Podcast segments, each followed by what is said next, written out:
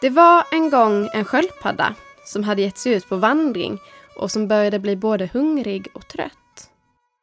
När han kom förbi en spindelshydda så kände han doften av nylagad soppa. Därför knackade sköldpaddan på.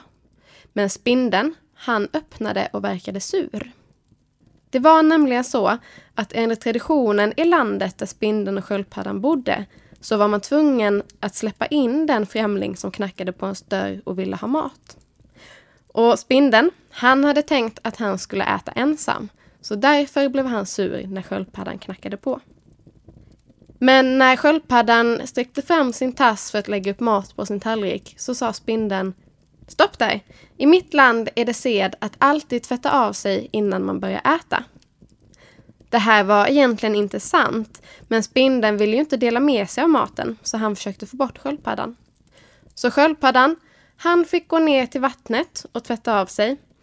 Och när sköldpaddan tvättade sig från topp till tå så åt spindeln så fort han bara kunde. När sköldpaddan hade badat färdigt så var han alldeles ren. Men på vägen tillbaka till hyddan så blev han smutsig igen. Och då sa spindeln, stopp där, du är inte ren. Du får gå och tvätta av dig en gång till.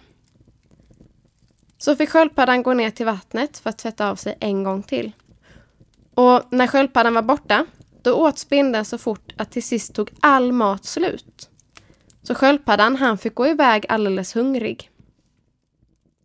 En tid senare var spindeln ute på vandring när han kände doften av god mat. Och spindeln han började bli hungrig så han följde doftspåret fram till en sjö. Och på botten av sjön bodde sköldpaddan. Så spindeln han la sig på ytan och så började han plaska för att få sköldpaddans uppmärksamhet. Så sa spindeln att jag skulle tro att den sed som gäller dig även gäller mig. Alltså måste du nu bjuda mig på mat. Sköldpaddan sa att jag ska självklart bjuda dig på mat om du bara kommer ner till botten. Och jag vet inte om ni vet det, men spindlar, de flyter. Så spindeln, han hade väldigt jobbigt att försöka ta sig ner till botten. Men den här spindeln, han hade en jacka på sig. Så han kom på att han kunde lägga stenar i sina jackfickor och därför börja sjunka ner till botten. Och när spindeln var nere på botten så bjöd sköldpaddan honom att sitta vid bordet.